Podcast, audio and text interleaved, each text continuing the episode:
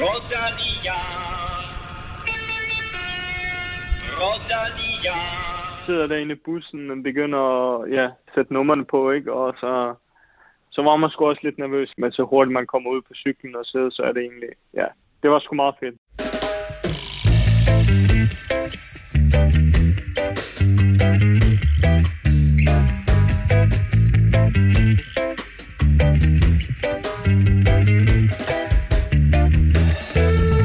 Der er ikke noget at sige til, at han var nervøs, for stemmen, du hørte i starten, tilhører 19-årig Frederik Vandal, der fik sin profdebut i Etoile de Bessage. Ham kan du høre mere til senere.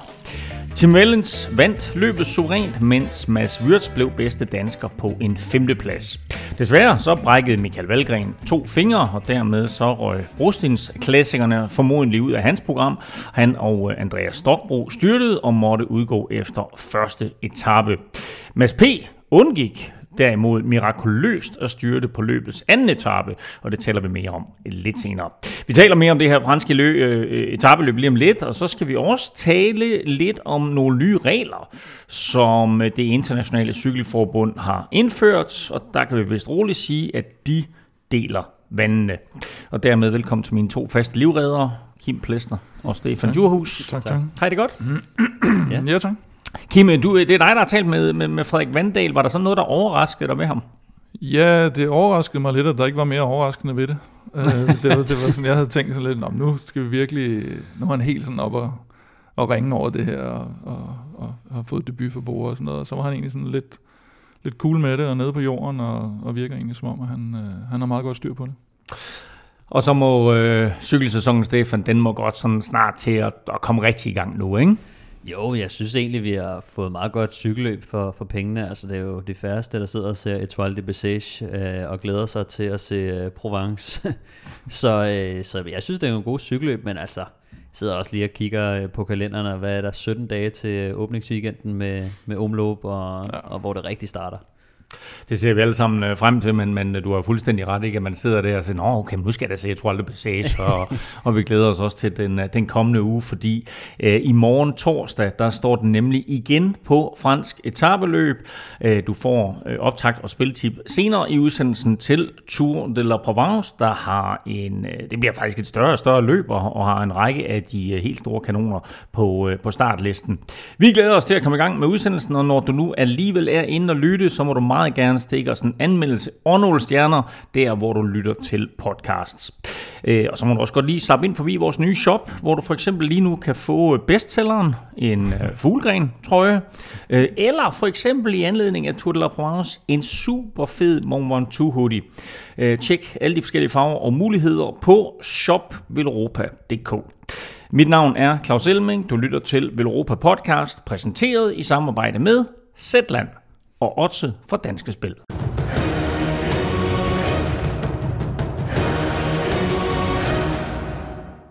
Vi lægger ud med årets første rigtige etabeløb, Etoile de Bessage, der sluttede søndag med en 10,7 km enkeltstart.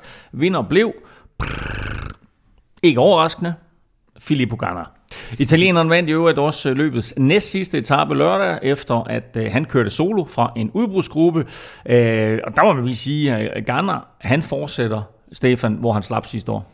Ja, det må man sige. Øh, nu er det også øh, syvende øh, enkeltstartssejr i træk, øh, så, så han begynder at, at sidde rimelig godt fast på tronen der. Øh, selvom han egentlig selv øh, bagefter løbet øh, sagde, at øh, han egentlig følte sig lidt langt fra, fra topformen, øh, så, så synes jeg, det var, det var virkelig uh, låne takter, og man kan se, at der er også mange i, i, i Italien, der er de begyndt at kalde ham uh, Top Gunner, som er sådan en uh, Top Gun-reference.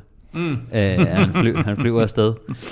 um, men sjovt nok, så så jeg også sådan lidt, hvad, hvad han selv sagde i forhold til sine uh, målsætninger, og, uh, og der er mange, der snakker lidt om, at, uh, at han gerne vil køre brostensklassiker, fordi han har vundet uh, U23 uh, på Rio B før. Øh, Så det er ligesom et mål for ham, og, og han er også blevet lidt sammenlignet med, med Fabian Cancellara, men uh, indtil videre, så uh, fokuserer han på Giroen og uh, OL i enkeltstart, og så skal han jo også køre på, hvad hedder det, Team Pursuit mod de danske drenge, så, uh, oh, så der er de altså... med det øh, også. Ja, det står der, så, så han skal altså... han kan måske godt blive lidt farlig for... Det er da øh, heldigt til en, de skal have fire mand med, for var han alene, så slog han dem jo. Skal have tre med rundt. ja, præcis. Øh, det er imponerende med, med, med Ghana, og selvfølgelig også stor favorit til, øh, til sommerens OL der i enkeltstart. Øh, desværre så blev løbet her jo præget af styrt Kim på de første to etaper, og en af dem, der gik værst ud over, det var faktisk Michael Valgren, som vi jo ellers havde håbet lidt på, ville, ville få en rigtig god sæson her, efter han er skiftet til EF. Ja, det var, det var lidt af en lortestart. Han øh, har brækket to fingre, og øh, 6-8 ugers pause. Mm. Og det er et dårligt tidspunkt at få 6-8 ugers pause, hvis man er, hvis man er klassikerrytter. Og, øh, og det var det, vi havde håbet på, at vi skulle, vi skulle se ham øh, sådan lidt genfødt som i år. Og man kan sige, som meldingerne er, så er det jo sådan, hvis han kommer tilbage til Amstel, så er det nok sådan det mest positive, man skal, man skal håbe på. Hvis det, hvis det er 6-8 uger fra nu, men, men man ved aldrig rigtigt med det der, hvordan det går. Ja, også fordi han skal, nu skal sidde og køre på home trainer. Han er jo allerede, de kommer ret hurtigt på home traineren, ikke? men det er bare slet ikke samme øh, kvalitet i træningen, så, øh, så jeg, jeg tror ikke, at øh, tror ikke, han kommer topskarp til, til Amstel. Det vil i hvert fald Nå. komme bag på, komme bag på os. Han øh, blev 29 i, øh, i søndags, havde fødselsdag, så det var nok ikke lige den måde, han, øh, han ønskede at, at fejre den fødselsdag på. Øhm, og udover det her styrt til øh, Valgren, så var Andreas Stokbro også en tur i asfalten. Stefan, har du, har du nyt om ham? Ja, jeg skrev en lille smule med ham. Jeg var faktisk lidt interesseret i at finde ud af også, hvad hans rolle var i forhold til Nitsolo, som jo var deres kaptajn i løbet. Men øh, det ser altså ud til, at, øh, at Stokbro har ligesom fået den, øh, han er sidste lead-out-mand for Nitolo, som jeg synes er, er ret fint, at han er kommet derop. Men øh, jo, altså han, øh, han røg jo øh, på røven her, og øh, havde pådroget sig en, en lille hjernerystelse, så, øh, så han skulle lige holde sig lidt i ro, øh, indtil han lige kunne mærke efter, og øh, jeg tror, han skulle køre, øh, han sagde, han planen egentlig var, at han skulle køre Classica Almeria her i øh, weekenden, øh, men ellers så er det åbningsweekenden i, øh, i Belgien, som bliver den næste. Og jeg skrev lige kort med, med, med Valgren faktisk, og spurgte ham, hvad der skete, og sådan noget. Han sagde også, at der var bare en, der ikke kunne finde ud af at køre på cykel. Og det var vel lidt kendetegnende for det her første løb, at der var sådan lidt hektik og, og panik i feltet. Og Mads, øh, Mads P., som jo var blandt favoritterne på både første og anden etape, øh, han undgår jo på mirakuløs vis et styr ja, det- der på anden etape. Det er fuldstændig, det er helt sindssygt, det han laver. Altså det, det var sådan, jamen altså det, det svarer jo til, at der er en eller anden, der nærmest kører sådan tværs over begge spor på en motorvej, mens der kører biler i begge retninger, ikke? Og, og, og så redder sig igennem øh, på, på en trafikeret motorvej, vel at mærke. Og, og kører, ja, han kører meget lige, kan man sige, men, og, så, og så er der simpelthen, øh, han, han når lige at strejfe et hjul, tror jeg, undervejs, så ellers så, så, så, så kører han ind i en barriere over i den modsatte side. Og, øh, og, og starter jo også med sådan en, en balanceakt på cyklen, hvor Ja. ja. han så nærmest har benet og, øh, højere op end øh, en landin, han havde under hele øh, VM i håndbolden. øh, vel at mærke med den anden fod i pedalen.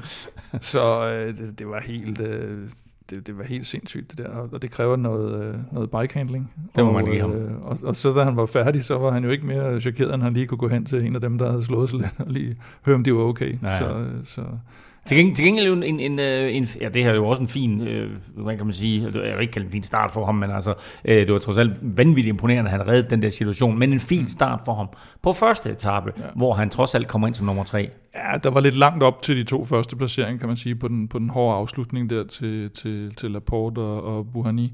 Men, øh, men han er der, hvor han skal være, og han lå også godt placeret jo, øh, inden han styrtede, eller inden alle mulige styrtede. Jeg tror, det var, var det Borson Hagen, der, der, der startede den i styrtet i, i rundkørslen der, så, så han, er, han er der, hvor han skal være allerede fra sæsonstart. Og som du siger, så var det altså Chris- øh, Christophe Laporte øh, og Puhani, der kom ind, ind et og to der på, øh, på første etape. I øvrigt jo en, en, en sjælden Cofidis-sejr, som mm. Christophe Laporte han gav ja. Sit hold der. Øh, Timothy Dupont, han vinder anden etape efter den her kaotiske afslutning, øh, og så slog Tim Wellens for Lotto Sudal ellers til øh, og afgjorde øh, hele løbet nærmest på, øh, på, på tredje etape med et solohug der, øh, hvor Mads Wirtz i øvrigt, øh, sluttede på en øh, flot tredjeplads også. Ja, han er altid, Vellens er altid god i sæsonstarten. Han plejer også at køre godt ned, når vi har de her Mallorca-løb, øh, som, som plejer at åbne sæsonen. og øh, så, så det var ikke sådan helt overraskende at se det, men, man, jeg tror, han slog næsten, han var næsten oppe at have et lille minut jo, efter, efter den etape, så, så på en 10 km enkeltstart til sidst, der, der er det selvfølgelig noget, han skal holde. Øh, Wirtz øh, har tidligere været på podiet i, i Besage, og også, også god start. Tyner Lone, han virkede også meget motiveret, da vi, da vi talte med ham her op til, til sæsonen. Og han sidder jo i den her, øh, jeg var lige ved at sige Belgier, øh, klike, som så også indeholder Kwiatkowski. men, men det, det tager vi med. det, det tager han nok som en, en kompliment. Øh, Vellens, Tøgens, Kwiatkowski, Van Aumart og, og Philip Gilbert. Ikke? Det, er, det er okay det er okay godt. folk at sidde med. Bestemt, bestemt. Men altså desværre så øh, lykkedes det altså ikke at holde, øh, for Mads Wirtz at holde fast i sin podieplads. Han lå nummer 3 inden sidste etape. Det er den her enkeltstart. Han blev desværre kun nummer 26 øh, og ryger så ned på en samlet femteplads i løbet. Øh, ret, altså meget, meget skuffet var han også her efter øh, etappen. Øh, men Stefan, øh, har han sådan mistet lidt? Fordi altså, i gamle dage, der var vi jo vant til at se ham øh, blæse gode enkeltstarter afsted. Har han lidt mistet den der evne til at gøre det? Jeg, jeg tror også, at øh, altså, jeg tror, han har i hvert fald drømt om, at nu skulle han til at lave sig lidt om som, øh, som ryttertype, og vise, at han kunne noget andet end enkeltstarten. Så det er klart, at den har ikke fået lige så meget fokus, men, øh, men, men jeg tror stadig, at han kan, han kan køre en god enkeltstart. Men jeg, men jeg tror også, det handler lidt om, det er sæsonstarten. Øh, han har ikke vendt sig til udstyret endnu. Det er sådan lidt koldstart. Det er ikke masse rute, den her skal man også tænke på. Det er en øh, lige knap øh, 11 km, som slutter med en øh, 3 km stigning. Øh, så det, det er på ingen måde øh, masse, masse spidskompetence at køre sådan en. Altså øh, havde den måske været øh, over 15-20 stykker og, og, og mere flad øh, power rute, så, øh, så havde jeg nok forventet at se ham lidt højere oppe, men øh, jeg havde selvfølgelig håbet på lidt mere. Det er klart, det havde han også selv. Altså øh, jeg, jeg skrev lidt mere om undervejs også, og han sagde, at, at nu var det altså klassementet, det handlede om. Ikke? Øh, så jeg synes bare, det var fedt også, at, at han viser på et, et hold, der er så stærkt, hvor han lynhurtigt kan gå hen og blive uh, ren kanonføde på holdet og, og sidde og føre, at uh, han faktisk allerede nu viser, at uh, han godt selv kan lave noget. Mm. Uh, så det tror jeg er rigtig vigtigt. Jeg var ude på, på TV2 uh, i forbindelse med, med Super Bowl der søndag, og møder øh, Chris Anker og øh, Rasmus Daghøj, umiddelbart efter de er færdige med at kommentere etappen der, og øh, der får Rasmus, han får en sms fra Mads Wirtz, som brokker sig over cyklen, ja. og, siger, og siger, at det var, det var åbenbart Alex Dagsets gamle cykel, han havde fået, og, og så skriver han, så skriver han, øh, der var lige så tung som dem Chris Anker kørte på i CSC-tiden. så, ja, øh, så han, han, var, øh, han var i stand til at joke med Wirtz der omkring øh, placeringen her, men selvfølgelig super, super skuffet. Han bliver trods alt øh, bedste dansker som øh, nummer 5, øh, mens Veldens altså vandt løbet sammenlagt foran Kwiatkowski øh, og Niels Pollitt. Og så får vi sådan lidt en overraskelse ind på fjerdepladsen, Kim, fordi der, må, der kommer en 21-årig brite ind, og øh, øh, når vi snakker om unge britter, så tænker jeg omgående Thomas Petcock. Her der kommer der en fyr ind, der hedder Jake Stewart, og jeg må indrømme, jeg har aldrig hørt om ham. Han er, han er franchise de Sjørytter. Uh, who is that? Ja, et, vi kender jo Jackie Stewart, også der er gamle nok. Nå, det er, og, og ham, det, han, han har i hvert fald haft fart på i, i tidernes morgen. Ja, men, ikke, det kan øh, godt blive til Jackie. Det kan det, det hurtigt blive en, en snæver vending. Ikke? Nej, jeg, jeg tror, der er, der er ikke ret mange, der har opdaget ham, fordi øh, han øh, kørte egentlig som øh, stagiaire hos øh, Frances Tessieux sidste år. Og ellers så har han egentlig kørt øh, sådan mere U23, eller gjort det godt i U23-løbene, har, øh, har hvad hedder det, kørt på podiet i både Gent Wevelgem og Flandern rundt i, i ungdomsløbene. Og så fik han faktisk debut i Flandern sidste år, men, men udgik undervejs, så, så der har man jo heller ikke sådan nok holdt øh, super meget øje med ham. Øhm, han slutter dog sidste år to i øh, Tour du Limousin foran øh, Rui Costa.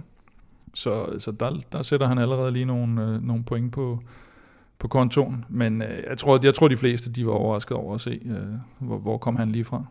I hvert fald et, et, et, et super spændende navn, og altså så øh, en, en, en brite der på France Station, en ung brite på France ja, Station, det er vel også lidt overraskende, er det ikke det? Jo, øh, Wiggins har også kørt for dem, ikke mener der hvor øh, der var den der gode video, hvor de er ude og træne, øh, træne cykelcross, hvor, øh, hvor han så havner i grøften, og, og den franske træner siger, at det her det er en, det er Bradley Wiggins eller sådan noget, han er englænder.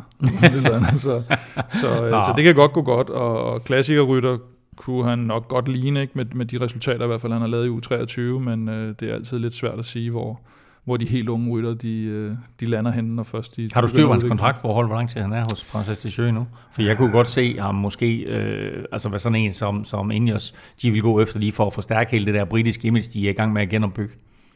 Ja, de, plejer, de har jo hentet nogle af dem hjem igen, kan man sige, efter de startede. Anders Pitcock startede jo heller ikke på Ineos, og, og så er der jo vist også en Yates-bror, der, der lige er rådet hjem. Så, øh, men han har jo kontrakt til og med næste år. Så øh, Men det plejer, jo- det plejer de vel ligeglade med Ineos. ja, hvis de vil ham nok, så, øh, så ej, de har også en Hugh Carthy, de kan hive hjem før, hvis de vil have en, der, der rigtig er slået igennem.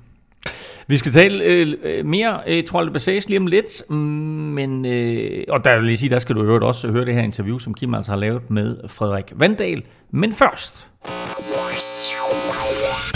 der skal vi quizze, og øh, vi er jo i gang med tredje udsendelse i år, og øh, chok, chok, så fører Stefan stadigvæk. Ja. 3-2 står det til dig efter de øh, to første uger, og øh, dagens spørgsmål omhandler naturligvis det her lille løb i øh, Provence. Øh, fordi øh, det er ikke så gammelt, det har kun eksisteret siden 2016, og faktisk i den første udgave, der blev Chris Anker Sørensen nummer 5. Mm-hmm. Vandt. Men hvem vandt løbet? Hvilken lokal held vandt løbet, og i øvrigt vil jeg sige, hans næst sidste store sejr i karrieren? Er spørgsmålet forstået? Ja. Ja. Kim, du har serveretten, så du øh, bestemmer senere, om du vil svare først, eller Godt du vil give den videre til uh, Stefan. Uh, og i og med, at uh, I er helt med på, hvad spørgsmålet går ud på, så har jeg kun én ting til jer to, og alle jer, der sidder og lytter med. Lad nu være med at google. Han er blot 19 år gammel, men i sidste uge fik han sin professionelle debut på det stjernespækkede Bror Hans Gromandskab. Frederik Vandal er det seneste i rækken af danske talenter, der har fået foden indenfor på World Touren. Kim fik en snak med den unge dansker efter debuten i Etoile de Bessage, og altså før Tour de la Provence. Jamen Frederik, så fik du din profdebut. Ja, det gjorde jeg. Det var, sidder derinde i bussen og begynder at ja, sætte numrene på, ikke? Og så, så var man sgu også lidt nervøs. Men så hurtigt man kommer ud på cyklen og sidder, så er det egentlig, ja, det var sgu meget fedt. Hvad var anderledes? Det mest anderledes var egentlig måden, at det var altså setup'et, du kommer, du kommer til løb med, ikke? Hvor jeg førhen har været vant til, man, man kommer, og så sidder man i en eller anden campingstol, ikke? Nu sidder du bare inde i en, i en kæmpe bus, ikke? Så det er nok det, der var mest, mest anderledes, vil jeg sige. Det, det hele setup'et. Og hvordan synes du så, du kom igennem? Jamen, jeg synes egentlig, at jeg kom fint nok igennem. Det, de første to dage, der, der havde jeg øh, arbejdstøjet på og fik, fik ført fra min øh, kaptajn og forreste fælde, og så havde jeg ellers bare ja, prøvet på at komme igennem de sidste, sidste tre etaper så godt som muligt. Men hvis vi skal prøve at, at spole tiden sådan lidt tilbage, og så du skal forklare sådan en, Mm. øh, en, gammel, en gammel gut som mig, som ikke rigtig følger med i cykling, eller måske nogle af, af lytterne, der ikke, øh, der ikke helt øh, havde set, øh, hvordan du øh, lige pludselig trådte ind på den store scene. Hvor, øh, hvor kommer du fra, og hvad, hvordan er du kommet, kommet dertil, hvor du er? Jeg bor til dagligt i, i, i Sverige, øh, lige over sundet. Og det er nok også derfor, man kan høre lidt på min dansk, at nogle gange er den lidt svingende. Øhm, men ellers så, så startede jeg som alle mulige andre øh, i en ung alder med cykling, 13-14 år. Og så har jeg egentlig bare gået op igennem rækkerne, så at sige. Ikke?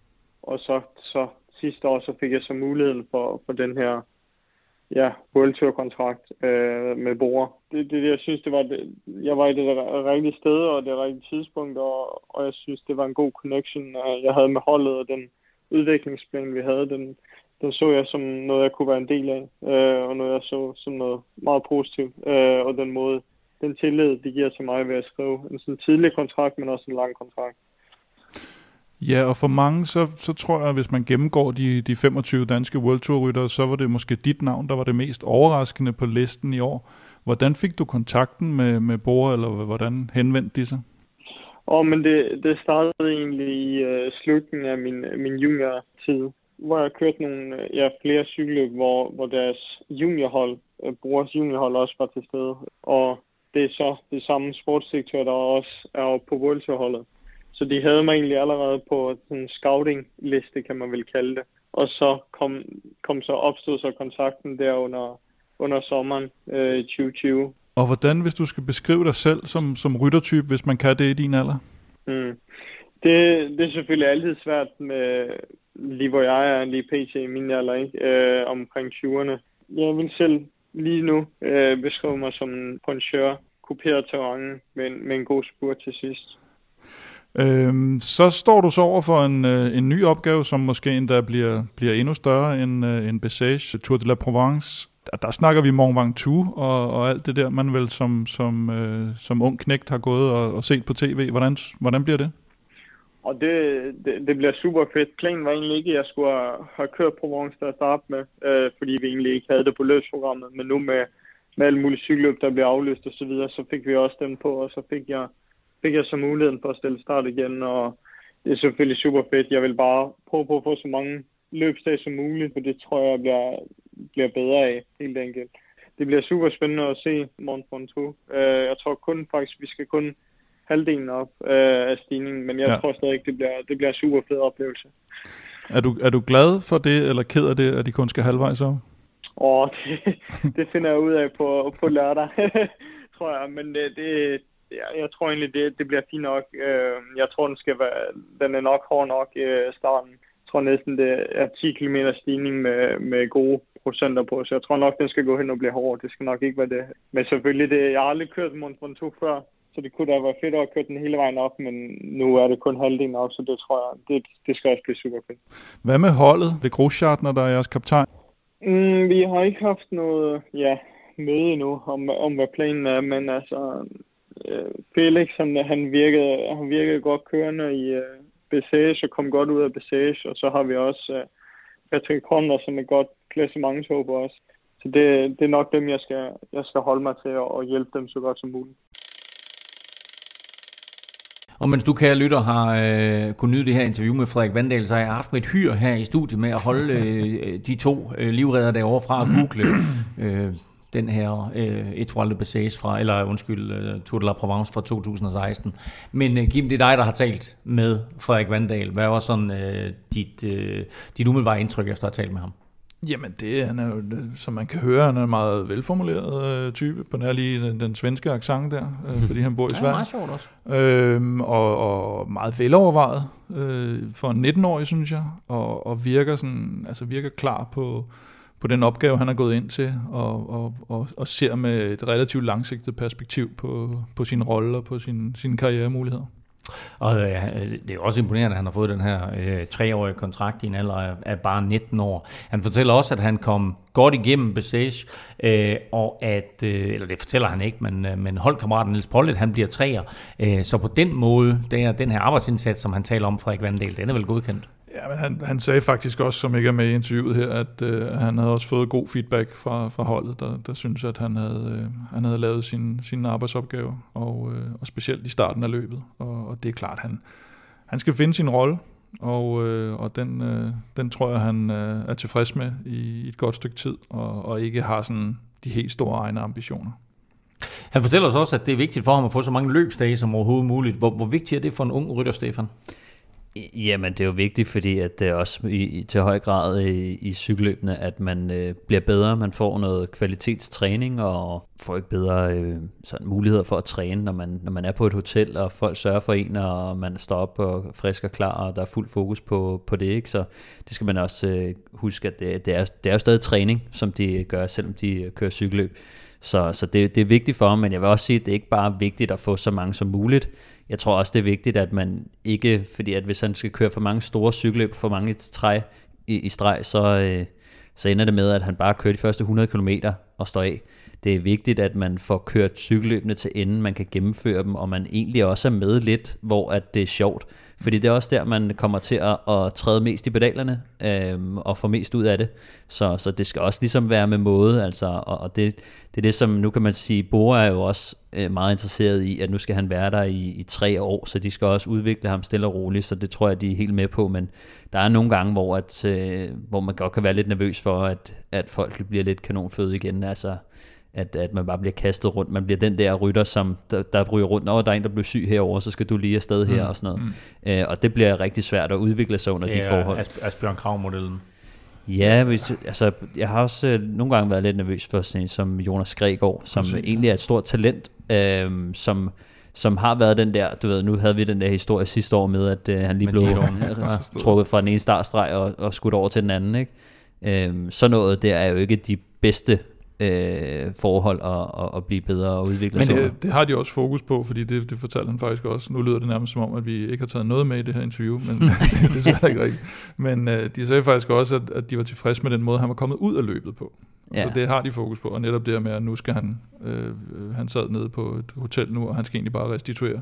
Det bliver lidt kedeligt, men, øh, men det er jo vigtigt, at han netop får, får restitueret, inden, inden det går løs igen. Men der må også være noget, Stefan, med at komme fra ungdomsrækkerne, og så pludselig skulle køre med i professionelle, altså albuer, placeringer, respekt, alt muligt. Der må være en masse nye ting, som man jo sagtens kan tale om, men man først rigtig tillærer sig, når man sidder i et felt. Det tror jeg, men jeg tror faktisk, at, at øh, det er sådan lidt, i det professionelle felt, der er det meget mere sådan, at der bliver kæmpet om det, når der skal kæmpes om det. Men udover det, så tager man det egentlig meget stille og roligt. Så det er meget mere voksen tilgang til at køre cykel, hvor at han kommer, øh, nu har han godt nok kørt en, øh, en, en halv sæson på, på seniorniveau i forvejen, men, men når man kommer fra juniorrækken, så bliver der skubbet, skubbet konstant, altså fra start til slut, og det er meget hektisk hele tiden. Hvor når man kommer op i de voksnes rækker, så, øh, så er der lidt mere ro på. Men så til gengæld, når nøglemomenterne kommer, så bliver det, så bliver det også lige dobbelt så, så vildt, ikke? Så, så, men jeg tror, altså kæmpe omvæltning for ham, men jeg, det, det er også det med, at nu kommer han ind på Bora, som er et etableret hold, og han kan få lov at køre for nogen, og at han skal ikke selv deltage i finalerne endnu, det kan man jo også godt se, altså han skal frem og føre for sine kaptajner og gennemføre cykelløbene, og, øh, og de holder øje med, at han ikke øh, slukker fuldstændig i løbet af det, fordi at det kan man også godt se på, på nogen, jeg, jeg har også set det før og prøvet det før, hvor man, øh, man går lidt kold i løbet af et etabløb, hvor at, altså til sidst så, så sidder man der og roder rundt i, i sin øh, skål med havregryn, fordi man overgår ikke at spise noget, ikke? og man mm. er helt knækket, hvis man mister appetitten og sådan noget. Det er sådan nogle problemer, man kan få, hvis, man er, hvis det er lidt for hårdt for en. Men altså, nu, øh, nu siger du selv, det drejer sig om at, at komme derop, hvor det er sådan, at, at det er, er sjovt at være med, og måske lære lidt af det. Hvornår kan vi forvente at se noget fra Frederik Vandal, sådan, hvor han pludselig begynder at blande sig, og hvad skal vi forvente af ham på den lange bane? Jamen, altså han vil selvfølgelig, hvis han, hvis han lige pludselig kan øjne en mulighed i nogle, i nogle mindre løb, så, så, så vil han da selvfølgelig tage chancen. Men jeg tror i hvert fald i år kommer til at gå med at lære og, og finde sin plads på holdet, og så, så må vi se de, de, de to kommende sæsoner, han er på kontrakt om, og hvordan udviklingen bliver, også i forhold til, hvad for en ryttertype han, han, øh, han bliver. Ja. Han, han nævnte det lidt selv.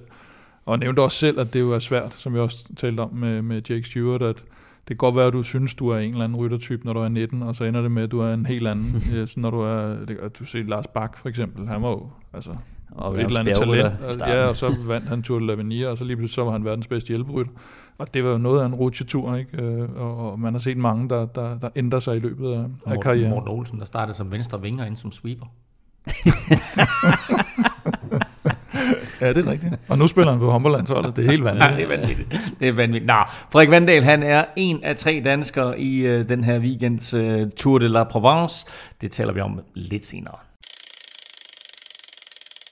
Nu er det faktisk ved at være sidste chance, hvis du skal prøve Zetland, og vi vil gerne opfordre dig til at hoppe med på vognen, både for din skyld og for vores skyld. Øh, I februar der får vi nemlig et anseligt beløb for hver lytter, der signer op via zland.dk-velropa.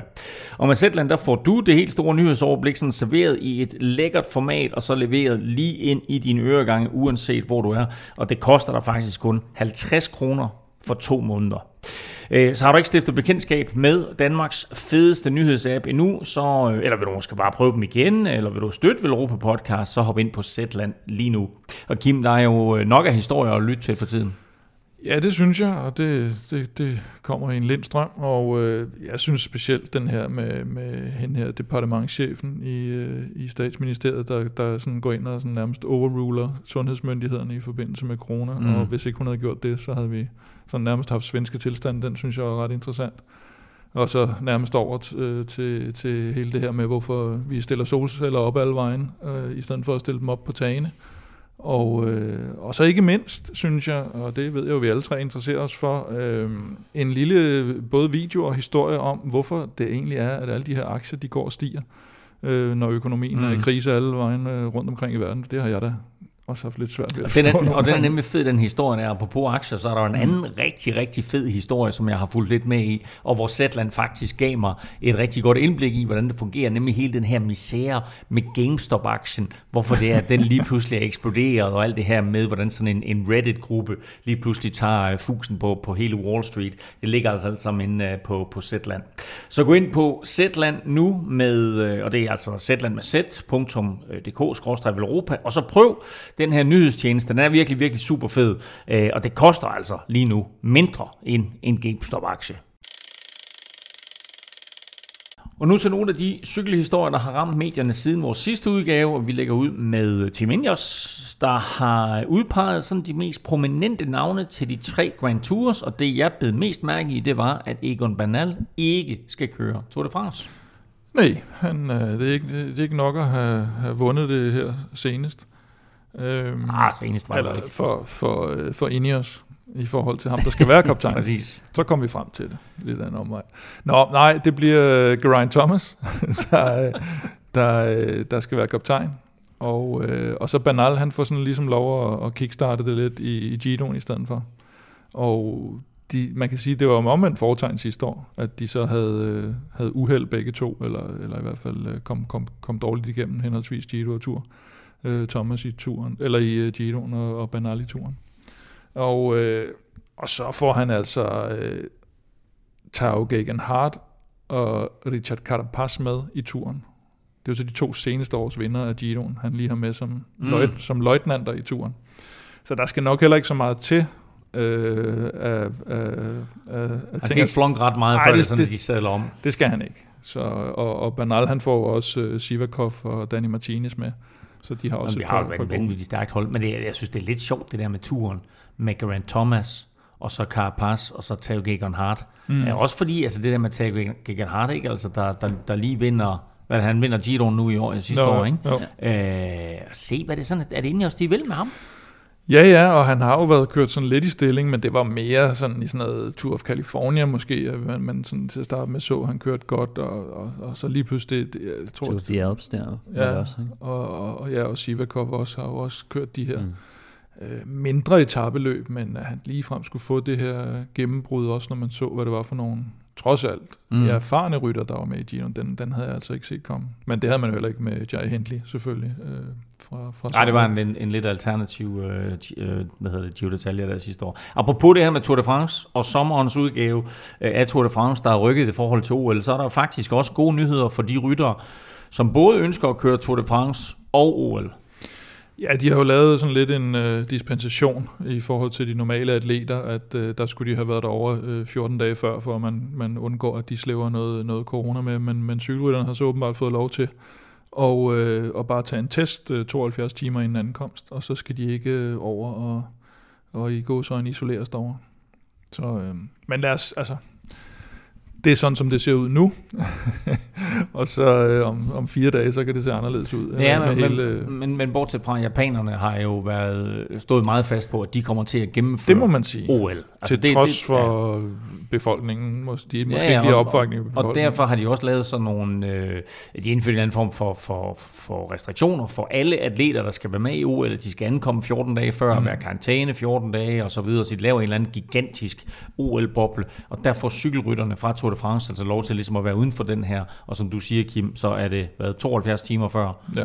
at de skal have en, en For de lov at negativ komme test. og inficere alle dem, der er inde i boblen. Ja, og dermed så bliver det altså, så bliver det altså muligt faktisk at køre Tour de France, afslutte Tour de France om søndagen, ja. og så køre linjeløbet i OL, der allerede er seks dage efter, at, øh, at Tour de France slutter. Øh, enkeltstarten er så først den efterfølgende onsdag, så det er altså så været øh, 11 dage efter, at øh, Tour de France slutter. Og så kommer vi ikke udenom det vel sagtens største samtaleemne, der har været i den forgangne uge, ikke mindst blandt, øh, ikke mindst øh, blandt rytterne. Fordi øh, UCI de vil indføre et forbud mod den såkaldte Supertok-position øh, fra 1. april. Og det her med Supertok, det kan vi vende tilbage til lige bagefter, Stefan, hvad det er. Øh, ligesom de også vil gøre det forbudt at sidde og hvile armene på styret, som vi jo kender fra for eksempel Lars Bak, når han lå deroppe og tog lidt vind på næsen. Askren i udbrud. Asker, ja, for ja, Askren er jo den seneste, der, der, bare, der bare ligger der og tramper i pedalerne med, med armene hen over styret. Øh, og det er jo... Øh, Stefan, lad os lige starte med, med at forklare den der Supertalk. Øh, hvad er det helt præcis, det her? Det er jo der, hvor man, øh, man krøller sig helt ned og, og sætter sig på, øh, på overrøret. Egentlig lidt ligesom ja, Froome, han var jo den, der måske sådan gjorde det populært, mm. vil jeg sige, da han vandt den der, øh, var det en Giro øh, nedkørsel øh, etape. Jeg tror faktisk, det var Tour de France. Tour de France, France, sammen ja. med Sagan, ikke? da han stak af med ham. Ja. Nej, nej, nej, det var nej, ikke det var det, han, stikker af på toppen af, Ja. ja. han, de kommer lige op, og da de så lige krydser toppen, så hammer han til den og stikker af og får lige sådan Jeg tror, han kører fra øh, Quintana hen over toppen der. Ja, lige nøjagtigt. Ja. Nå, det var den anden, hvor han var sammen med Botner, Ja. ja. og, eller hvem fanden Men ja, altså der er jo, øh, der er jo meget utilfredshed blandt øh, rytterne i hvert fald omkring det her. Altså de, jeg tror, sådan, der er jo mange, der er begyndt at bruge det, og øh, man kører lidt stærkere og sådan noget, men, men altså jeg, jeg, jeg, jeg ved egentlig ikke rigtig hvorfor. Det, jeg tror, at øh, de fleste synes, det er lidt latterligt, at, de ikke, at UCI ikke tager fat på noget af den sikkerhed, som der også har manglet. Øh, der er mange, der nævner Polen rundt med barriererne og vejenes forhold. Øh, at øh, de skulle måske tænke på at fjerne den olie, der var på, på, på vejene, når de kom kørende på, på nedkørslerne. Og, så der er mange ting, andre ting, de kunne have taget fat på, øh, hvor det her det virker som sådan en øh, easy win, eller sådan en regel, som man kan sige, nu har vi lige gjort noget ved sikkerheden.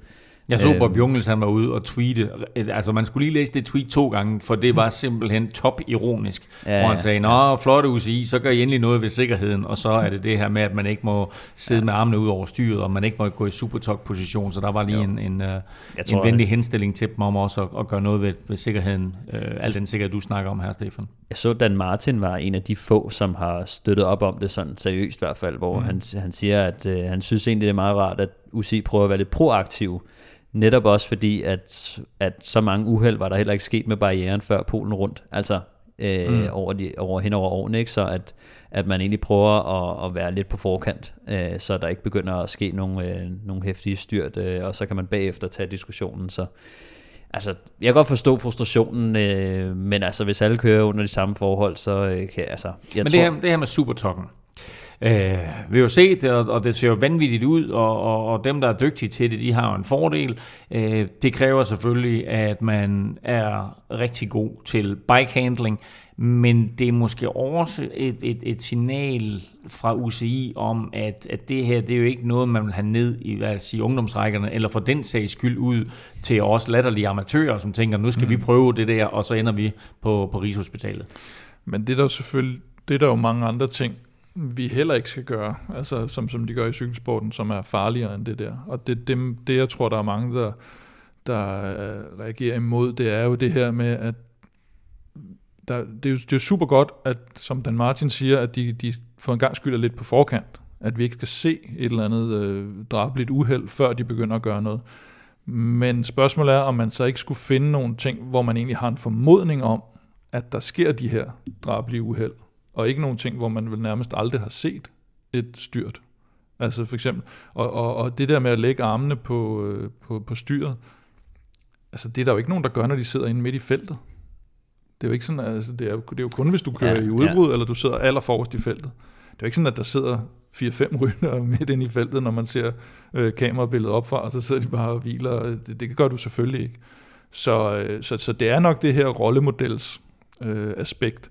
De prøver at sige, at det der det er simpelthen for farligt. Hvis de, du ved det, vi lavede jo den der, øh, du kan huske, vi blev rygende uvenner under øh, Kongeetappen. kongeetappen til programmet, vi lavede. Hvad var det? det? Nå, det var, Hvor, det var øh, noget helt andet jo. Hvor, øh, hvor Rolf han skulle ligge bag ved en kassevogn med, med nærmest 110 i timen. Ja. Og så ringer, jeg tror endda, det var Jesper Vore, der ringede, sagde, det der må I kraftedeme mig ikke vise. Altså, Ja.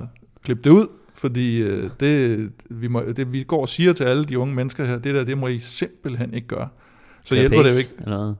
Ja, Jamen, det var- at ligge øh, sådan 7 mm bag en øh, kofanger på en, på en kassevogn. Ikke? Og det var han, hans far, der, der kørte, ja. Ja. og så satte han farten op, og, og Rolf lå der, og det var sådan hans, hans forhjul kysse nærmest Ja, ja, ja. godfangeren, ikke? Og så satte han den op, og, og det var sådan til 70-80 km i timen, ikke? Og man kan sige, at, at langt de fleste ting, så siger man, jamen selvfølgelig gør man ikke det, og jeg har også set nogen, der siger, jamen selvfølgelig, øh, fordi de kører 300 km i timen i Formel 1, så gør man det heller ikke selv på motorvejen. Men her skal man selvfølgelig huske på, at det, der er ved cykelsporten, er jo netop, at du har den her tilgang til at kunne gøre næsten de samme ting som de professionelle. Det er det, der er så fascinerende. Du kan ned og Mm. køre op Alpe d'Huez, du kan, du kan ikke bare gå ind og, og, og spille fodbold på øh, Camp Nou lige pludselig, men du kan, du kan faktisk godt gå ned og, og, og køre alle de stigninger, de kører i Tour de France. Og du kører også på stort, du kan køre på de stort set de samme cykler, som øh, de professionelle kører på. Og derfor så kan du godt kopiere de her ting, og det er måske det, de ser. Jeg synes bare, det er en, stadigvæk det er underligt, at det er, at det er nogle ting, som man egentlig ikke rigtig har en formodning om, der sker noget ved. I stedet for, at de lyttede til øh, Brian Holm, når han nu igennem, øh, jeg ved ikke hvor mange år, har sagt, det ender galt en gang i Polen. Okay. Altså, der kan man jo sige, nå, nej, men der kan man jo sige, at der netop er en formodning om, at det her det kommer til at ende galt. Det, det tror jeg ikke rigtig, der er nogen, der har haft nogen formodning om ved alt det andet her. Stefan, din umiddelbare vurdering.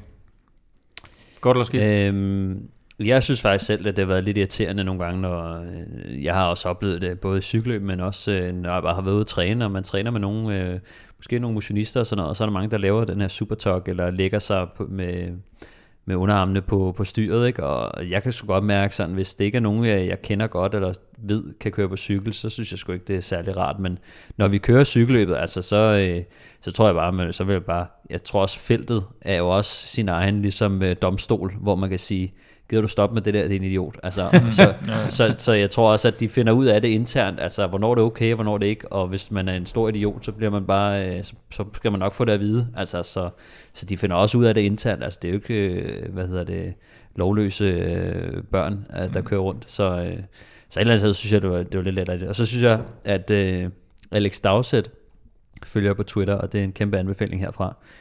Um, han, han skriver også sådan lidt sjovt, uh, at uh, han spørger for en ven, hvornår uh, håndledet uh, slutter, og hvornår underarmen starter.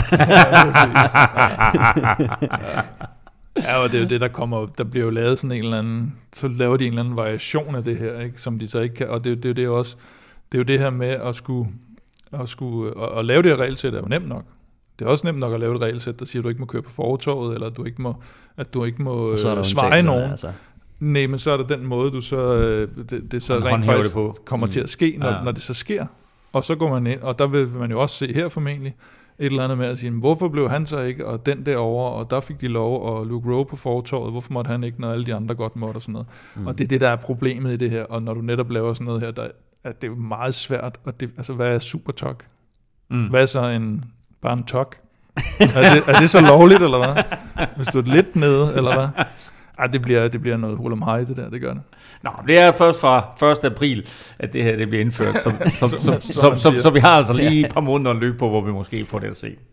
Vi havde øh, Kasper Pedersen med i vores første podcast i 2021, og her der fortalte han, at øh, han var i dialog med DSM om en øh, ny kontrakt, altså det tidligere Team Sunweb.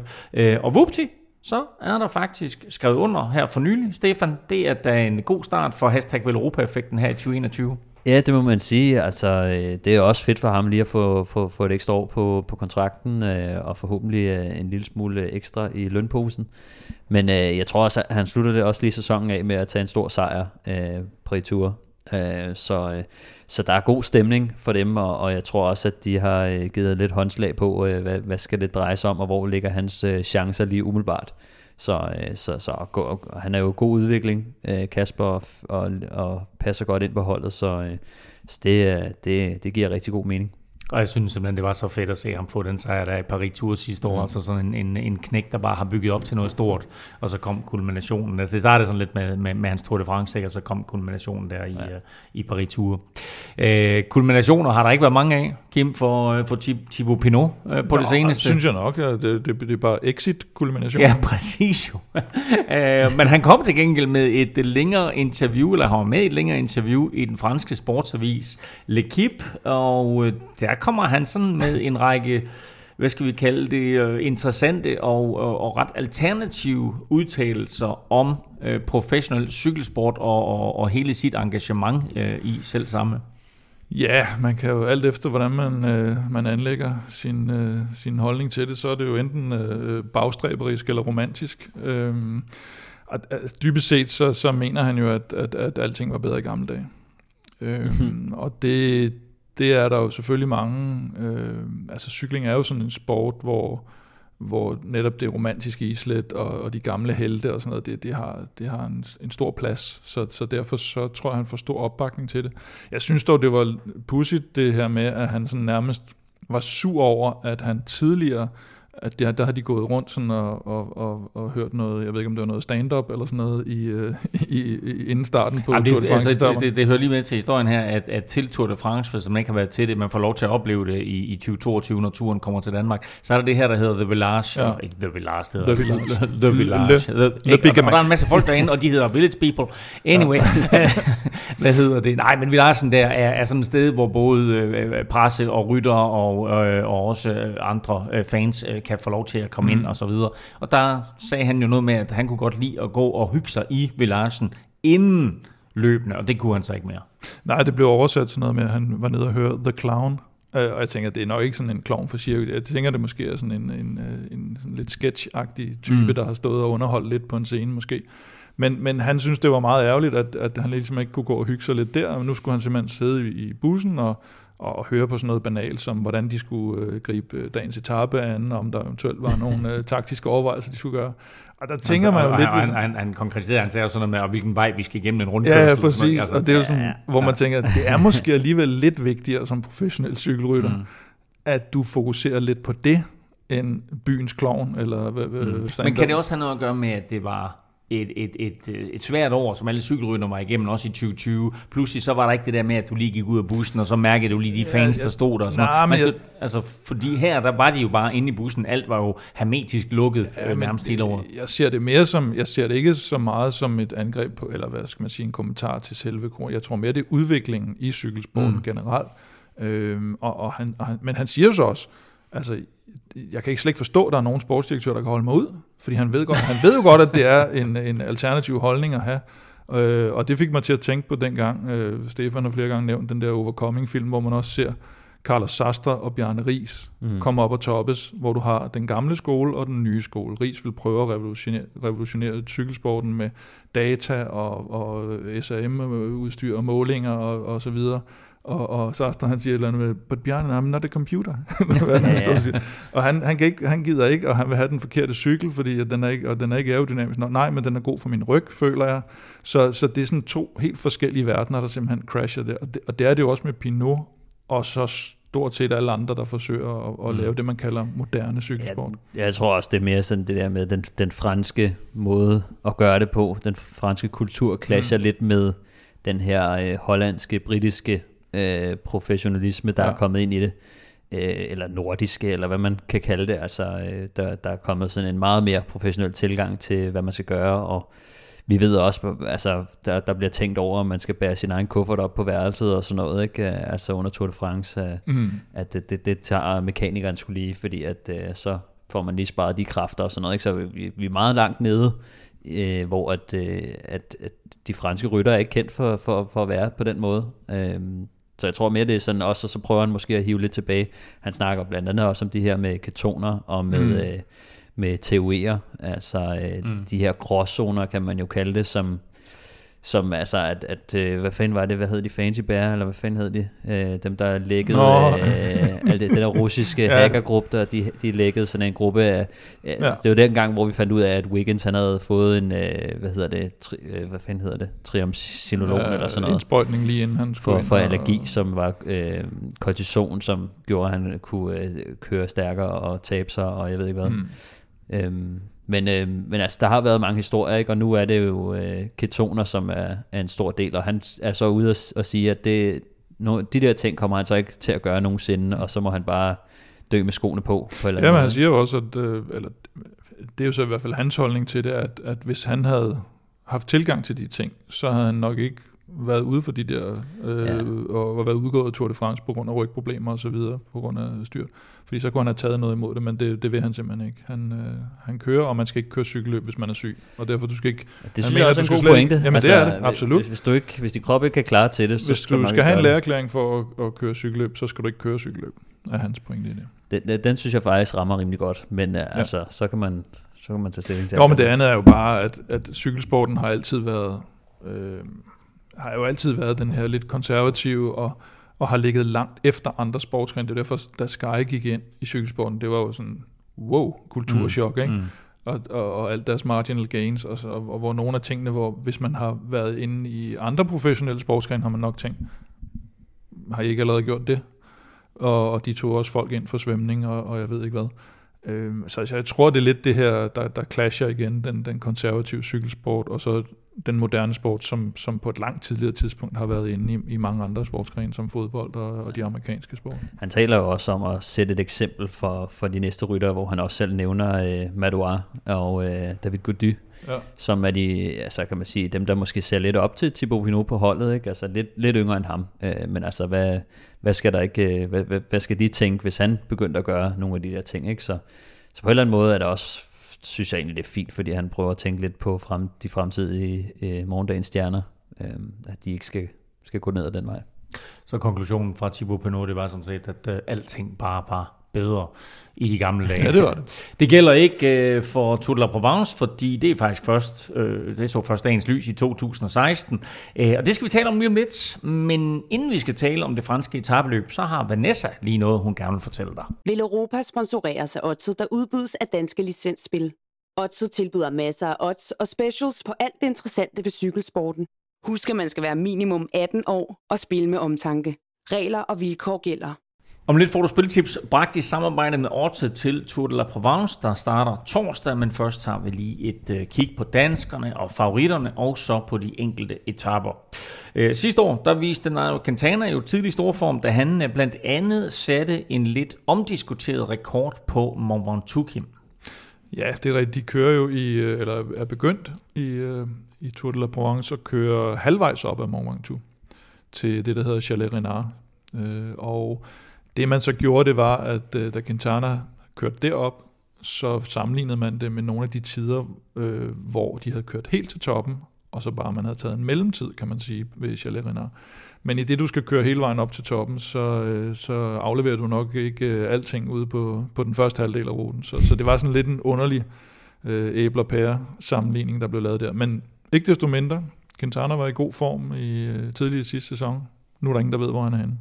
Nej, han er der i hvert fald ikke. Han er, ikke, han er ikke med i løbet i hvert fald. Øh, men man kan vel også sige, at, at, at så får vi vel en eller anden form for ny indikation med, med, med det her Chalet Renard, at der er så en eller anden tid, som man så skal køre på for at nå dertil. Så kan man sige, at han er så den hurtigste nogensinde til Chalet Renard. Ja, ja, præcis. Og der, der får vi så noget sammenligning i år. Og så, altså, hvis vejret er det samme, er den samme. Og så, Nå, så der er selvfølgelig nogle ting. Det indgår ikke, når man taler om rekorder jo. Nej, nej. nej. Øh, Niklas E., er med igen. Han blev nummer 14 sidste år på Round 2, og faktisk nummer 13 sammenlagt, øh, mens øh, Alexander Vlasov vandt den etape og blev toer, samlet foran øh, den danske holdkammerat, øh, eller foran øh, holdkammeraten på Astana, øh, Alexei Lutsenko. I år, som sagt, Quintana ikke med, så øh, bliver det her det bliver det sådan en ren Astana-opvisning. De kommer i hvert fald med et rigtig stærkt hold. Jeg har også øh, Gorka Isegita med, som, som vandt i 2019. Øhm, så så de, de øh, kommer klart øh, med, med et af de helt tunge hold, og øh, vi kender dem også lidt som nogen, der kommer, plejer at komme rimelig godt fra start. Især Lutsenko også øh, fra, fra sidste år, ikke? Øh, også bare kommet op i et, i et helt andet gear de sidste par år. Øhm, men jeg tror også, at øh, Quickstep og, og Ineos øh, kommer også til at sætte deres præg på løbet. De kommer også øh, med nogle rimelig store øh, stjerner til. Igen i år, der er øh, kongetappen, altså den her etape, der sådan går halvvejs op ad Mont Ventoux, øh, og den bliver også formodentlig afgørende for løbets samlede øh, vinder. Øh, det er på lørdag, at den køres, og øh, det er den tredje af i alt fire etaper i det her sådan semi område omkring Provence, hvor første og fjerde etape sådan åbner en, en mulighed for sprinterne. Men lad os lige tage et kig sådan på de overordnede favoritter. Hvem kan vinde løbet, Kim? Ja, men nu har vi lige været inde på, på Astana, og det er, øh, jeg, jeg tror, det bliver sådan lidt holdet, der skal slås i hvert fald. De, øh, som Stefan sagde, de ligger altid nogenlunde hårdt ud for sæsonstart, og, og de har øh, ja, to og tre for sidste år, vinderen for 19, så, så, så det, det er nogle, nogle hårde drenge. Så har vi Tony Galopin, som faktisk plejer at køre godt. Han vinder ikke. Nej, det tror jeg heller ikke. men øh, han er ikke helt tosset til at køre opad, og kan godt klare en Ventoux, hvis han er i form, og, øh, og, og blev 13'er i Marseillais, som er det franske åbningsløb, så, så det, der er noget, der tyder på, at han i hvert fald er nogenlunde form. Og han har faktisk øh, de fleste top 10 placeringer i, i løbet. Han har fem gange kørt i top 10 og, og to gange på podiet. Så øh, måske skal man ikke helt udelukke ham, men øh, jeg, jeg tror nu heller ikke, han vinder. Så faktisk øh, Wout Poels var en af de sådan, sidste, jeg skrev på listen fra, fra Bahrain Victorious, som vi jo, det navn, vi elsker mest af holdene. Han, øh, han bliver 6 sidste år i sit åbningsløb, som er det her etabeløb i, i Valencia, så, øh, så der er noget, der, der tyder på, at han måske også godt vil, vil, vil, vil hurtigt fra start, og, øh, og Vangtu, den, øh, den burde ligge til, til sådan en, en rytter som ham, hvis han er i form. Ineos, Stefan, det er dit hold. Øh, ja, altså de kommer selvfølgelig med, øh, med Iga Banal. Øh, jeg troede, de havde haft Kwiatkowski med, men det har de jo så åbenbart. Ham har de taget ud, ja. Ja, det var egentlig også, jeg kunne godt have tænkt mig at, at, at have lagt et lille odds tips på ham, inden havde vi snakket lidt om, men, øh, men så blev han sgu pillet af. Um, I stedet for, så kommer han med øh, en, en, en Gianni Moscon og en øh, Ivan Ramiro Sosa øh, og Eddie Dunbar, Laurence de Plus. Så, Dunbar, øh, han bliver 6 sidste år. Det, den ja, men jeg synes også, han er begyndt at, ja. at køre rimelig stærkt, ellers har vi kendt ham på sådan noget øh, Tour de Yorkshire og sådan noget, ja, ikke? altså de lidt øh, mindre løb, men... Øh, men han er altså rimelig godt kørende, og en af de mere øh, hakkede drenge, hvis man prøver at se på hans ben. altså han er virkelig øh, hakket. Han er også bleg, så man kan se hver en lille, øh, hver en lille skygge. Kørestil, i, øh, kørestilen er også til at få øje på, ikke? Jo. Altså, ja, så var der, øh, hvad hedder det, Frederik Vandals hold jo. Han nævnte selv øh, øh Patrick Conrad og Felix Groschartner. Og, øh, og Groschartner, han bliver 15 på, på enkeltstarten der i Bessage. Så, så han er nok også ved at være der så har jeg også en lille fidus til, til uh, Herada, uh, Jesus, Jesus fra uh, Cofidis, og som du sagde, Laporte, han har allerede vundet en sejr, så det er jo næsten mere, end de vandt hele sidste år. Jamen, talte vi om i sidste uge, at de ikke havde vundet overhovedet i, i 2020? Nej, Viviani havde ikke vundet. De havde ikke vundet en, øh, en World, World Tour sejr, oh, sådan, men de havde vundet hvad, to sejre, ja, ikke? de havde vundet uh, tro, trofæo uh, Amisa Bongo oh, ja, ja. med Attila. Oh, nu er de halvvejs. Ja, ja. øhm, han, han, han kan også det her og, og bliver 9 sidste år øh, og, og, og startede sæsonen ud. 16. plads i Marseillais. Quickstep er vi måske lidt uenige om, Stefan. Du har lidt, øh, lidt øje mm. til Alaphilippe, og jeg tænker sådan, mm, skal han ikke lige i gang efter han styrtede i Flandern sidste år? Jo, det, vil, det, det skulle man da også mene, men altså, jeg tænker bare, han er, han er verdensmester, ikke? og øh, han er dygtig. Ja, og, nogle, øh, nogle, nogle gange synes jeg, at man glemmer, at han er verdensmester, men nu kommer han altså i de der, ja. øh, den, den regnbue fra ved trøje der. Ikke? Øh, hvem, hvem har de ellers med Quickstep? Men jeg synes, at de havde de ikke Cavagna stående med et-tallet? Altså jeg ved ikke, om man skal øh, lægge noget i det. Nej, det har de ikke. Det er Nå. Julian øh, nummer et. Askren okay. har de med. Remy Cavagna er selvfølgelig også med. Stibar er med, som jo også øh, har kørt, lidt, kørt cross. lidt cross, ikke?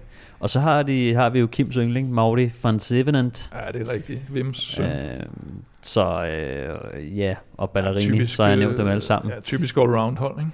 Jo, rigtig, rigtig fint uh, all-round hold, synes jeg. Men altså, der er også, uh, det er en, uh, en, en kuperet, uh, ja, to kuperede dage, en bjergdag, uh, og så uh, en forholdsvis flad dag, ikke? Så, så jeg tror, de er rimelig godt rustet til de første to dage, og så uh, hvis, uh, hvis Alaphilippe han har noget til, uh, til Vangtu-etappen. Uh, ja.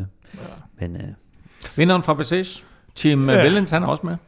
Ja, han er sgu nok et meget godt bud, når han er i så god form, som han er, selvom man kan sige, Wang Tu, hvis de skulle have været hele vejen op ad Wang Tu, så havde jeg måske haft lidt mindre øh, tillid til ham, men, øh, men sådan lige sådan en, en halv Wang Tu i, i, i stor form, det, det burde han kunne, kunne klare på den her tid af året. Så, så helt klart en af dem, der kan, kan blande så, sig i toppen. Øh, så havde du sådan øh, lidt en, en, en manflirt med Henrik Mars kørende på et tidspunkt. Hvor er du hen på ham nu? Ja, det tror jeg, jeg har haft i, i, mange, i mange år. Ej, jeg blev lidt skuffet jo sidste år. Det er, men det er svært at forsvare efterhånden, ikke? Mere Han kører for Movistar nu. Ja, det er et frygteligt hold, ja. De kører, dem kan, det, det, jeg kan ikke lide den måde, de kører på. Så er det sagt, det er nok lidt tidligt for ham, tænker jeg. Og så er spørgsmålet, hvad der kommer til at ske med Fabio Ardo, efter at han er skiftet til, til Quebec. Får vi noget at se, der minder om en gammel Fabio Ardo, eller er han færdig som, øh, som toprytter? Han er i hvert fald med i løbet her.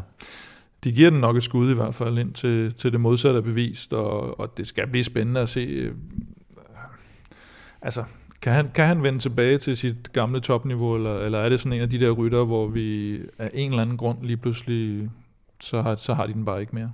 Altså i, i en lang, lang år. Jeg, jeg hælder nok mest til det sidste faktisk lige med ham. Øh, men øh, det kunne da være sjovt, hvis han er en, en, en hvad skal man sige, i, øjne, i, i øjnefaldende rytter. Ja. Øh, apropos, øh, apropos med en flyt. Ja, det er rigtigt. Så er Bauke også med.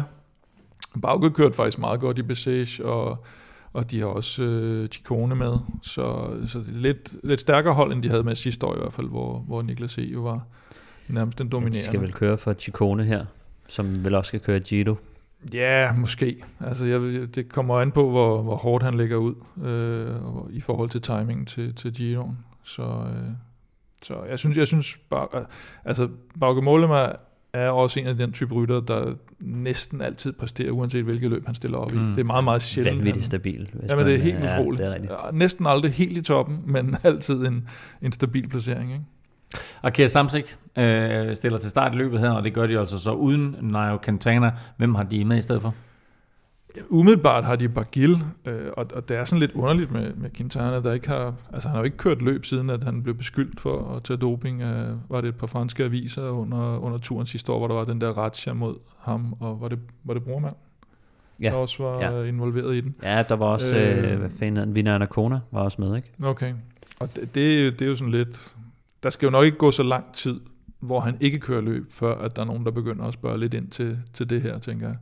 Øh, men umiddelbart Bagil, øh, som jeg måske... Ja, han sluttede 2020 rigtig, rigtig godt. Han kører top 10 i Flash Vallon, Liège, Bastogne Liège, Brabant til Pejl, Paris Tour. Så øh, hvis han kan tage noget af det med over, så er det klart. Men jeg har lidt på fornemmelsen, at, at han ikke er klar så tidligt på sæsonen. Øh, uden at og så i øvrigt have noget at have det i overhovedet. Og så har de, øh, Akira Samsik, så har de faktisk også Nasser Bouani med, mm. som øh, gjorde det rigtig, rigtig godt i de her spurter i, i Bessage. Og hvis vi lige tager et kig på de sprinter, som er med i, øh, i Tour de la Provence her, og kan blande sig øh, på de her to sprinteretapper, hvem skulle det så være? Bouani helt afgjort og vinder øh, første etape sidste år i, i Provence. Og så ellers er de, de helt store, det er Demar, Christoph og Kokar. Det er nok... Øh, Nå, er, du, er det meget med?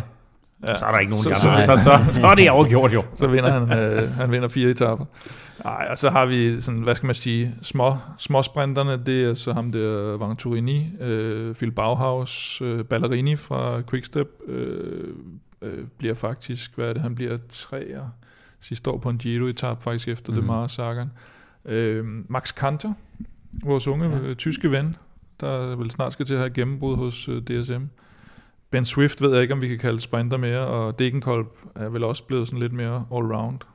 Øh, Bonifacio, Moschetti for Trek, lidt øh, ung talent, der, der godt kunne blive interessant. Men, men ja, Demar, Buani.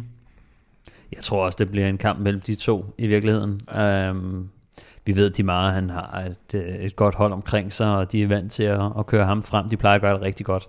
Så spørgsmålet om uh, Buani, han kan få uh, legnet legnet noget op og, og udfordre ham. Altså, det, er altså, det bliver altså super spændende at se øh, det meget her i foråret, ikke? Og, og se, hvordan, og hvis, han, hvis han fortsætter den der sejrstime fra sidste år, så kan de jo ikke undgå at tage ham med til, til turen i år. Jamen, det skal han også jo. Eller det, det, er, det, har de valgt det ud? Det er, at han, Sådan. han satser på den i år. Så har vi uh, tre danskere. Vi har hørt fra Frederik Vandal allerede. Mm. Hvem har vi ellers med? Jamen Niklas E., som vi også lidt var inde på, øh, bliver 13 sidste år, men, men som vi også var inde på, så, øh, så baggår Chikone med lige pludselig i år, mm. i stedet for et, et sådan relativt ukendt hold sidste år. Og de skal år. ikke køre for ham? Jeg tænker ikke, at de kører for Niklas E., men, øh, det er også så tidligt på sæsonen, at, at det bliver helt klart formen, og det er så tilpas lille et løb, at det er jo ikke sådan noget med, at det er skåret ud, hvem, hvem de skal mm. køre for. Så, så den, der, der ligesom har de, de bedste ben på, på Mont Ventoux, det er nok ham, der, der bliver kørt for. Kasper Askren er med? Kasper Askren er med, og øh, han slog jo faktisk Magnus Kort i spurten på første etape sidste år, og, og fik to top, top 10 placeringer. Øh, men der har de jo så ham her, Ballerini. Så jeg tænker, at hvis det bliver noget, der, der bare minder om en, en spurt, øh, så, skal, så skal de køre for Ballerini hvis han sidder med hjem, men han plejer at være sådan forholdsvis holdbar.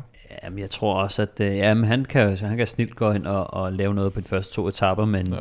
jeg kunne sagtens også forestille mig, at der blev kørt lidt mere uh, Chubang-cykelløb de første to dage, fordi at, at uh, der er så rimelig kuperet, uh, mm. det de skal køre i, så, så det bliver svært at, at få den holdt samlet, fordi at Buani og Demare måske ikke kan komme med hen over de her knolde, ikke? så så ja, jeg kunne godt forestille mig, at det blev lidt, lidt, lidt, øh, lidt sjovt cykelløb de første to dage, øh, og ikke bare øh, blev holdt samlet mm. til, til en spurt. Rigtig, rigtig smukt område. Jeg glæder mig til at, at, at se tv-billederne dernede fra og se noget, noget, noget rigtig cykelløb og så videre. Ja. Øh, også fordi det her det jo er øh, første gang, hvor vi ser rigtig, rigtig mange af de her store stjerner samlet. Altså den gennemgang, I lige laver nu her, der er jo et hav af interessante navne. Øh, vi skal have nogle spilforslag på banen, og øh, traditionen tro, der øh, lægger vi ud med Velropas vinder. Hvad har I fundet til os der? Ja, men i dag er det vel mig, der skal stå på mål for den. Øh, hvad hedder det? Øh, jeg tror, Buani han øh, fortsætter øh, sin, øh, sin, sin gode øh, indledende Og du hørte form. godt, at det er meget her med. Det gjorde jeg nemlig, men øh, jeg tror, at det er meget, han, øh, hvis han skal top i Tour de France, så kan det godt være, at han, øh, han lige tager en slapper her i det, i det allerførste løb. Øh, men Buani, der vinder en etape til odds 4, det kan man jo næsten ikke sige nej til. Odds 4 på Ja, ja, det Buani. synes jeg- det, er, det er vel Europas vinder. Så skal vi have Stefan Staltip. Stefan Staltip, det hedder, øh, det er Lutsenko, Alexei Lutsenko i ja. øh, top 3 sammenlagt. Øh, sidste år gik det jo egentlig meget godt, der blev han toer efter øh, Quintana. Mm. Øh, Det kan man sige, det Blev er han ikke okay. tre? oh, det gør Nå. han faktisk. øh, han, Men det, gik, det er jo også godt nok til podiet. efter, efter Quintana og Vlasov, sin egen holdkammerat. Åh, okay, ja. Øhm, men øhm, han plejer at komme rigtig godt fra start, og jeg synes egentlig, han, øh, han blev toer på øh, Vangtu-etappen. Det var det, jeg tænkte på. Mm. Øhm, og, øhm, og, og altså, da han viser, at han godt kan klare den sådan rimelig godt, altså han kommer trods alt op foran øh, Sepp Kuss og øh, Vlasov, sin egen holdkammerat, mm. øh, blandt andre, så, øh, så, så, så baseret på det, og at han nok kommer til at, at, at, at have lidt bedre, altså komme til at køre rimelig godt på de første to etaper, så tænker jeg, at han sagtens kan, kan tage en, øh, en top 3, og det øh, får man altså 1,95 på. Så Okay. okay. gentager bedriften. Øh, Ja. det, det, den, den tager jeg gerne. Og apropos podie, så har vi Plæstners podie. ja, jeg synes, øh, han går lidt ind på mine, øh, hvad hedder sådan noget, enemærker. Ja. Øhm, nej, Men som jeg kan se her, så kræver det jo sagtens, at Lutsenko han øh, kommer på podiet, hvis din Plæstners podie skal ikke nødvendigvis. Nej, ikke nødvendigvis, det er rigtigt. det er et meget stærkt Fortæl os, hvad du har i ærmet. Jamen, det er nemlig Astana. Og øh, jeg tror, at de øh, får mindst to, på, to, to rytter på podiet. Det synes jeg er voldsomt. Ja, det er det. Men øh, det, gjorde de, det gjorde de også sidste år. ja, det ved jeg, men kan de øh, gentage det? Ja, det tror jeg. Nu er Quintana jo ikke med, så bliver det Nej. 1 og 2. Nå ja, det er Ej, rigtigt. jeg, jeg, jeg tror på, at de, de smider en til to ryttere på podiet. Okay. Og så er det spørgsmål, om det lige bliver, om det lige bliver to. Det er selvfølgelig Ja. lidt sats, men det er også derfor, man får odds 3,20. Sådan, det er godt odds. I det hele taget øh, tre rigtig, rigtig fine odds, I har fundet frem til os her. Altså vel Europas vinder. Buani vinder mindst en etape, odds 4. Stefan Staltip, Lutsenko i den samlede top 3 til 1,95. Og så øh, Plæstners podie. Mindst to Astana-rytter på podiet til odds 3,20. Det her det var altså ugens spiltip bragt i samarbejde med oddset fra Danske Spil. I er fortsat rigtig, rigtig mange, der støtter på tier.dk, og det er ganske enkelt imponerende. Velkommen til alle nye, og kæmpe tak til alle jer, der fortsat bakker op om podcasten og har gjort det længe. Vil du også være med på vognen, så øh, hop ind på tier.dk. Beløbet er valgfrit, og du donerer først, når vi udgiver en ny podcast. Og når du så donerer, ja, så deltager du jo altså automatisk i løgtrækningen om vores nye Velropa Cup, og også om andre fede præmier. Du finder link både på velropa.dk og på tier.dk. Stefan, i den her uge, der skal vi have fundet en vinder af dagens Velropa Cup, og der er også Morten Bindekovs bog Stålsat med i puljen. Yes. Det er der, ja. Og øh, Jeg, jeg godt, skal du lige bare... kunne bekræfte igen. Ja. yes. Talent er bare et forspring, som vi siger. Sådan. Nå, jeg skal trække et navn, siger du, Ja, tak. og øh, jeg har lige trukket det. Øh, og øh, det undrer mig faktisk lidt, at vi har undgået øh, Johannes K. Fallesen, som øh, lige har vundet. Ja. Øh, fordi han har alligevel øh, lagt øh, for, hvad er det? Det er fem lodder i et år. Og Wow. faktisk øh, næsten, næsten på dagen har han øh, et års øh, jubilæum. Som Hold da op, så støtter 25 partier. kroner. Ja, Wow, tusind Så, tak Johannes, ja. og, øh, og hermed en lille præmie, der, der kommer din vej, altså en bog og, øh, og en kop. Øh, og grund til, at Stefan siger det her med, med de fem lodder, det er jo, at vi gør det på den måde, at for hver fem, du donerer, der får du et lod i puljen, så altså jo større beløb, jo flere lodder, og dermed større chance for at vinde. Når han har, når han har lagt så meget, vi skal, skal vi ikke smide den her kasket? Så smid kasketten oveni. Fedt. Der ligger sådan en, en, en original Velropa-kasket, vi lige har fundet inde i pulterummet. Sådan der. Den, den tager er, vi med. er den brugt? Det kan sgu godt være. Men så er det af Magnus Kort, tror jeg, til VM. Nej, den er ikke, øh, den er ikke, den er ikke brugt, men Sådan øh, der. den har Jo- ligget længe. Johannes, du fik lige en, øh, en hat med oveni. Øh, en ægte Velropa-hat der. Øh, Velropa-kasket. Så, Med charme. Ja, charme. ja, Velropa-kasket var oveni. Så altså både en Velropa-kasket og en Velropa-kop. Øh, stort tillykke til dig, Johannes. Og tusind, tusind tak til alle jer, der fortsat støtter. Og nu kommer vi så til afgørelsen på quizzen. Eller i hvert fald for den her udsendelses vedkommende. Og spørgsmålet var jo ret simpelt. Hvem var det, der vandt? Ja. Hvem var det, der vandt? Hvem var det, der vandt? Hvem var det, der vandt? Tour de la Provence i 2016. Jeg sagde, jeg havde Tour de Passage i hovedet. Hvem var det, der vandt Tour de la Provence i uh, 2016? Og jeg fik et lille hint, og det var, at det var en lokal held, og at uh, det faktisk var hans næst sidste store sejr i karrieren. Ja. Kim, du har serveretten, og uh, så er spørgsmålet, vil du svare, eller vil du sende Ej, første jeg- svar jeg- videre til Stefan? Jeg kan lige så godt tage, ikke. jeg Han kan lige så godt tage det første hug, jo, fordi... Ja. øh, Hvor mange gæt får vi? Det er jo så også det. Ja, men vi har siddet og snakket om, at vi har to navne hver, ikke? Og så er det spændende at se, om det er de samme to navne, Præcis. vi har. Nej, jeg lægger benhårdt ud. Øh, jeg er faktisk ikke helt sikker på, om- øh, jeg tror faktisk ikke, han er for det område, men jeg siger Thomas Vøgler. Er et godt bud, Stefan? Mit bud, det er Sylvain Chavanel. Det var så mit andet bud. Ja. Er det rigtigt? to så der var jeg helt enig, og jeg kan Ja. fortælle jer, at en af jer har ret. Og øh, vinderen af Tour de la Provence i 2016 var Thomas Vøgler. Nej. Øh, og det var, øh, det var det næst sidste store løb, han vandt. Han vandt samme år, der i 2016, der vandt han også Tour of Yorkshire. Mm, øh, og så øh, kom 2017, hvor han ikke rigtig var på podiet overhovedet, og så, øh, så trak han sig tilbage udenbart efter. Men øh, det er ikke historien i den her quiz. Historien i den her quiz, det er, at der er udlignet. Det er rigtigt. Sådan, så det nu står 3-3. Øh, imponerende, Kim, og altså helt lige inden af vores øh, næste udsendelse. Det var mere imponerende, at vi havde de samme navne, tror jeg, synes jeg. Jeg er imponeret. I er gode, altså rigtig gode, lige at hæve Vøgler op af posen der. Vi er færdige for i dag, men du kan se frem til næste uge, når vi har Kasper Askren med i podcasten. Og indtil da, der kan du følge Velropa og Kim på Facebook, Twitter og Instagram. Det sker på Snablag Velropa, og Stefan finder du på Twitter på Snablag Stefan Djurhus. Undertegnet finder du alle steder på Snablag NF Elming.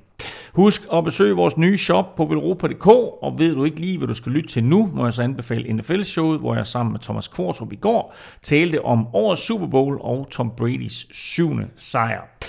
Tak for nu. Tak fordi du lyttede med. Tak til dig, der støtter på tier.dk, og naturligvis vores partnere Zetland og Otse for Danske Spil på Genhør.